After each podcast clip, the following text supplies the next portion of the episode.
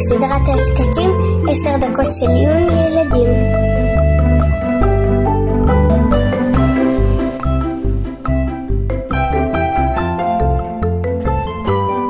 שלום לכל הילדים שמאזינים לנו, אנחנו שמחים מאוד להתחיל שנה נוספת של סדרת ההסכתים עשר דקות של עיון לילדים. כן, לפני קצת יותר משנה עלו הפרקים הראשונים של הסדרה לקראת חג שבועות, ובעזרת השם גם השנה נמשיך להעלות פרקים בנושאים מגוונים. אני מזמין אתכם להצטרף לקבוצת וואטסאפ שקטה שבה אנחנו שולחים כישורים מסודרים לכל הפרקים החדשים, ודרכה גם תוכלו לשלוח לנו הודעות בפרטי עם רעיונות מקסימים שוודאי יש לכם לפרקים חדשים שהייתם רוצים שנוציא, או לשתף אותנו בתגובות ומחשבות שיש לכם על הפרקים. קישור לקבוצה תוכלו למצוא בתיאור הפרק בפלטפורמה בה אתם מאזינים לפרק, ואת הקישור הזה אנחנו נשמח מאוד שגם תשלחו לחברים או קרובי משפחה שוודאי ישמחו לדעת על קיומו של ההסכת ולהצטרף למאזינים הקבועים שלו. ועכשיו נתחיל בפרק.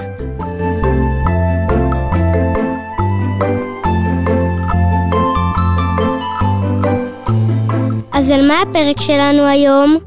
את הפרק שלנו, ובעזרת השם גם פרקים נוספים בקרוב, נקדיש לנושא של משחקים בשבת. משחקים בשבת? מה יש לעיין בנושא הזה? יש בעיה לשחק בשבת? אז זהו, אין בעיה לשחק בשבת, ואנחנו גם נדבר בהמשך באופן כללי יותר על משחקים בשבת. אבל יש כמה משחקים שאם משחקים בהם בשבת, זו הזדמנות נהדרת להכיר דרכם כמה כללים חשובים בהלכות שבת. האמת היא שאלו כללים שאם בכלל לא מכירים אותם, עלולים תוך כדי משחק בשבת, בבית או בחוץ, בלי לשים לב, לעבור בטעות על כל מיני איסורים. אבל אנחנו לא משחקים בדברים חשמליים. אנחנו נראה שיש כללים הלכתיים שחשוב שנכיר גם אם המשחקים שלנו בשבת הם לא חשמליים. היום נעסוק בנושא אחד, ובעזרת השם בפרקים הבאים נלמד על דברים נוספים. אתם בטח זוכרים שאחד הפרקים של השנה הראשונה של הסדרה, עסקנו בו בנושא של מלאכות שבת. למדנו שם שיש ל"ט 39 אבות מלאכות שכתובות במשנה במסכת שבת, שאותן אסור לעשות בשבת מהתורה.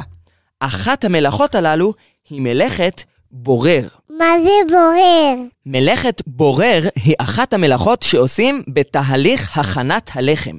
ברירה זו פעולה של הפרדה בין אוכל לבין פסולת, ובמקרה של הכנת לחם, הפרדה בין גרגירי החיטה שמהם מכינים את הקמח, לבין פסולת שמעורבת בגרגירים הללו, כמו עפר או אבנים קטנות. גם לברור קמח בנפה זו מלאכת בורר. התהליך הזה של ברירה נאסר בשבת. אתם בטח זוכרים שבפרק ההוא שבו למדנו על מלאכות שבת, למדנו שמה שאסור בשבת זה לא רק ל"ט המלאכות שהוזכרו במשנה במסכת שבת, אלא גם פעולות שדומות להן, פעולות שיש בהן את אותו סוג של יצירה, של מלאכה, שיש בפעולה שהוזכרה במשנה. מה שהוזכר במשנה הוא אב המלאכה. אבל האב הזה הוא רק דוגמה לסוג מסוים של יצירה שאסור לעשות. למשל, במלאכת בורר, האיסור הוא לא רק לברור את גרגירי החיטה, אלא בעצם כל פעולה שדומה להפרדת גרגירי החיטה. פעולה שבה אנחנו מפרידים משהו שאנחנו לא רוצים, שהוא הפסולת, ממשהו שאנחנו רוצים, שהוא האוכל, כל פעולה מהסוג הזה אסורה בשבת. אז רגע, אם אני רוצה לבחור ספר לקרוא בשבת, ויש כמה ספרים שאני לא רוצה, ואני מזיזה הצידה, אז יש כאן איסור של בורר, כי הספר שאני רוצה הוא כמו אוכל, והספר שאני לא רוצה הוא כמו פסולת. כאן אנחנו מגיעים לדבר חשוב. כדי שיהיה איסור של מלאכת בורר, איסור להפריד את הפסולת מהאוכל, צריך שתהיה תערובת. שהפסולת והאוכל יהיו מעורבבים אחד בתוך השני, כמו ערימה של גרגירי חיטה שמעורבבת עם צרורות של אבנים קטנות ועפר.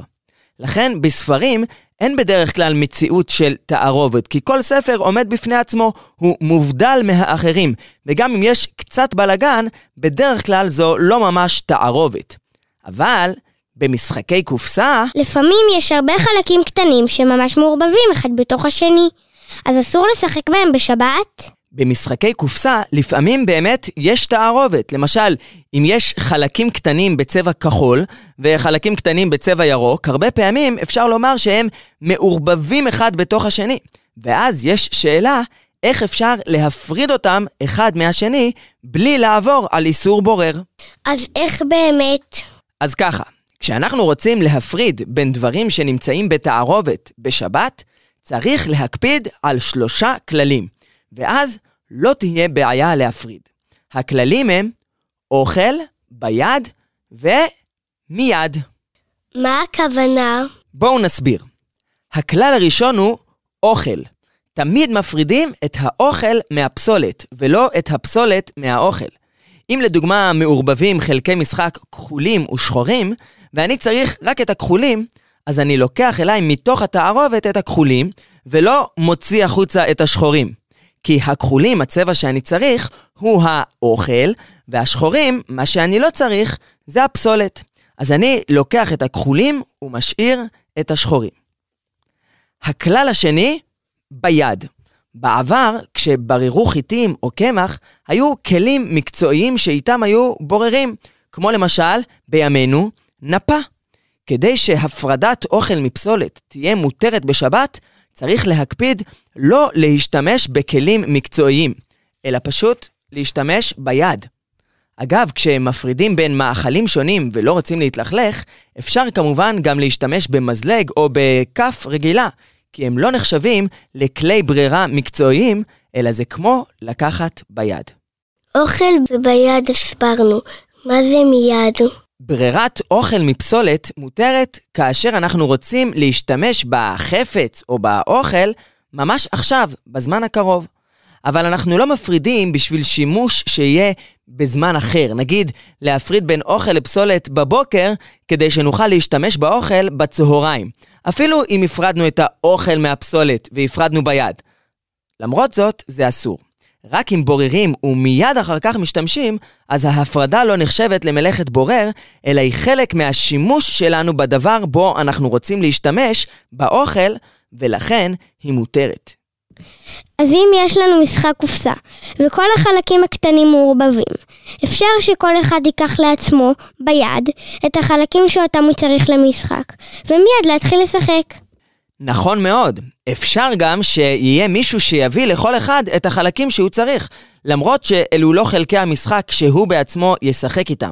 כי סוף סוף, בזמן ההפרדה, הוא לוקח אליו את מה שרוצים לעשות בו שימוש במשחק, והוא משאיר את מה שלא. בכל אופן, זה בתחילת המשחק, כשרוצים להשתמש בחלקים. אבל אם בסוף המשחק החלקים מתערבבים, אז עדיף לא למיין אותם ולסדר כל חלק בקופסה או בשקית שמיוחדת לו. כי לפי חלק מהשיטות, גם למיין זה חלק ממלאכת בורר. וכשאנחנו מפרידים בסוף המשחק בין החלקים, כדי שבפעם הבאה שנרצה לשחק במשחק החלקים כבר יהיו מסודרים, אז אנחנו לא עומדים בכלל של מיד. לכן, עדיף להשאיר את המיון למוצאי שבת, או לשים את החלקים בחזרה בקופסה בצורה מסודרת, לפני שהם מתערבבים אחד עם השני.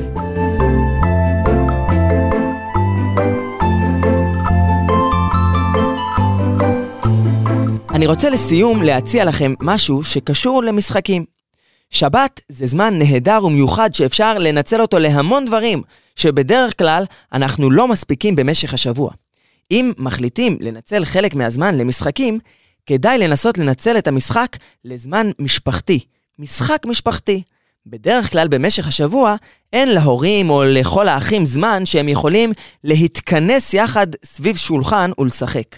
אפשר לנסות להפוך את זמן המשחק בשבת לזמן משפחתי, וכך נרוויח לא רק את המשחק, אלא גם את הכיף של לשחק כולם ביחד. צריך כמובן למצוא בחוכמה משחקים שכמה שיותר מבני המשפחה, זה יתאים להם המשחק הזה. אם יש אחים קטנים שעדיין לא ממש יודעים לשחק בעצמם, אפשר לנסות למצוא דרכים לשלב אותם במשחק. תזכרו כמובן שהעיקר במשחק הוא לא לנצח, אלא לשחק ולשמוח יחד. וכמובן, אל תשכחו לנצל את המשחק כדי להיזכר וללמוד, ואולי גם להסביר לאחים במשפחה על אוכל ביד ומיד, הדרך המותרת לברור בשבת.